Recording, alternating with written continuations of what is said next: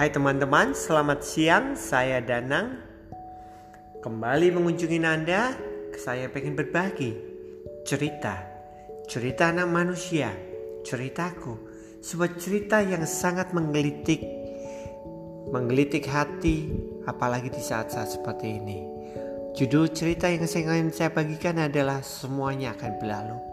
Satu kisah pendek dan sangat menarik.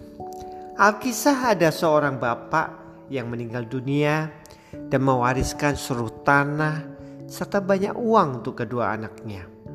Di antara harta warisan mereka ada sebuah kotak kecil dengan cincin emas polos yang diwariskan dari generasi ke generasi.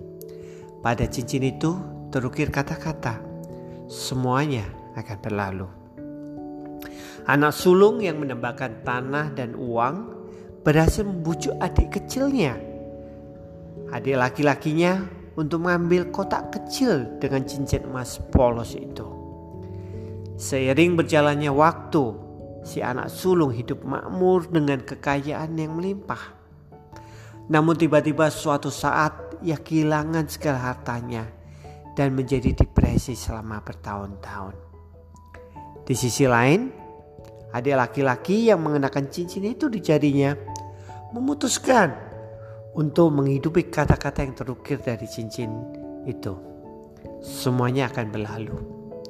Sepanjang hidupnya, apa pun keadaannya, ketika semuanya tampak suram dan sulit, ketika ia menghadapi tantangan yang tampaknya tidak dapat diatasi, ia teringat semuanya akan berlalu.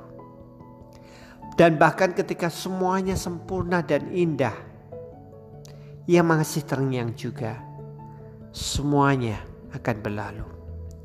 Tiga kata itu telah membimbing kesehariannya, memberikan perspektif, dan membantunya mendapatkan yang terbaik di saat-saat yang menyenangkan, serta membantunya juga di saat-saat menghadapi kondisi yang terburuk sekalipun semuanya akan berlalu.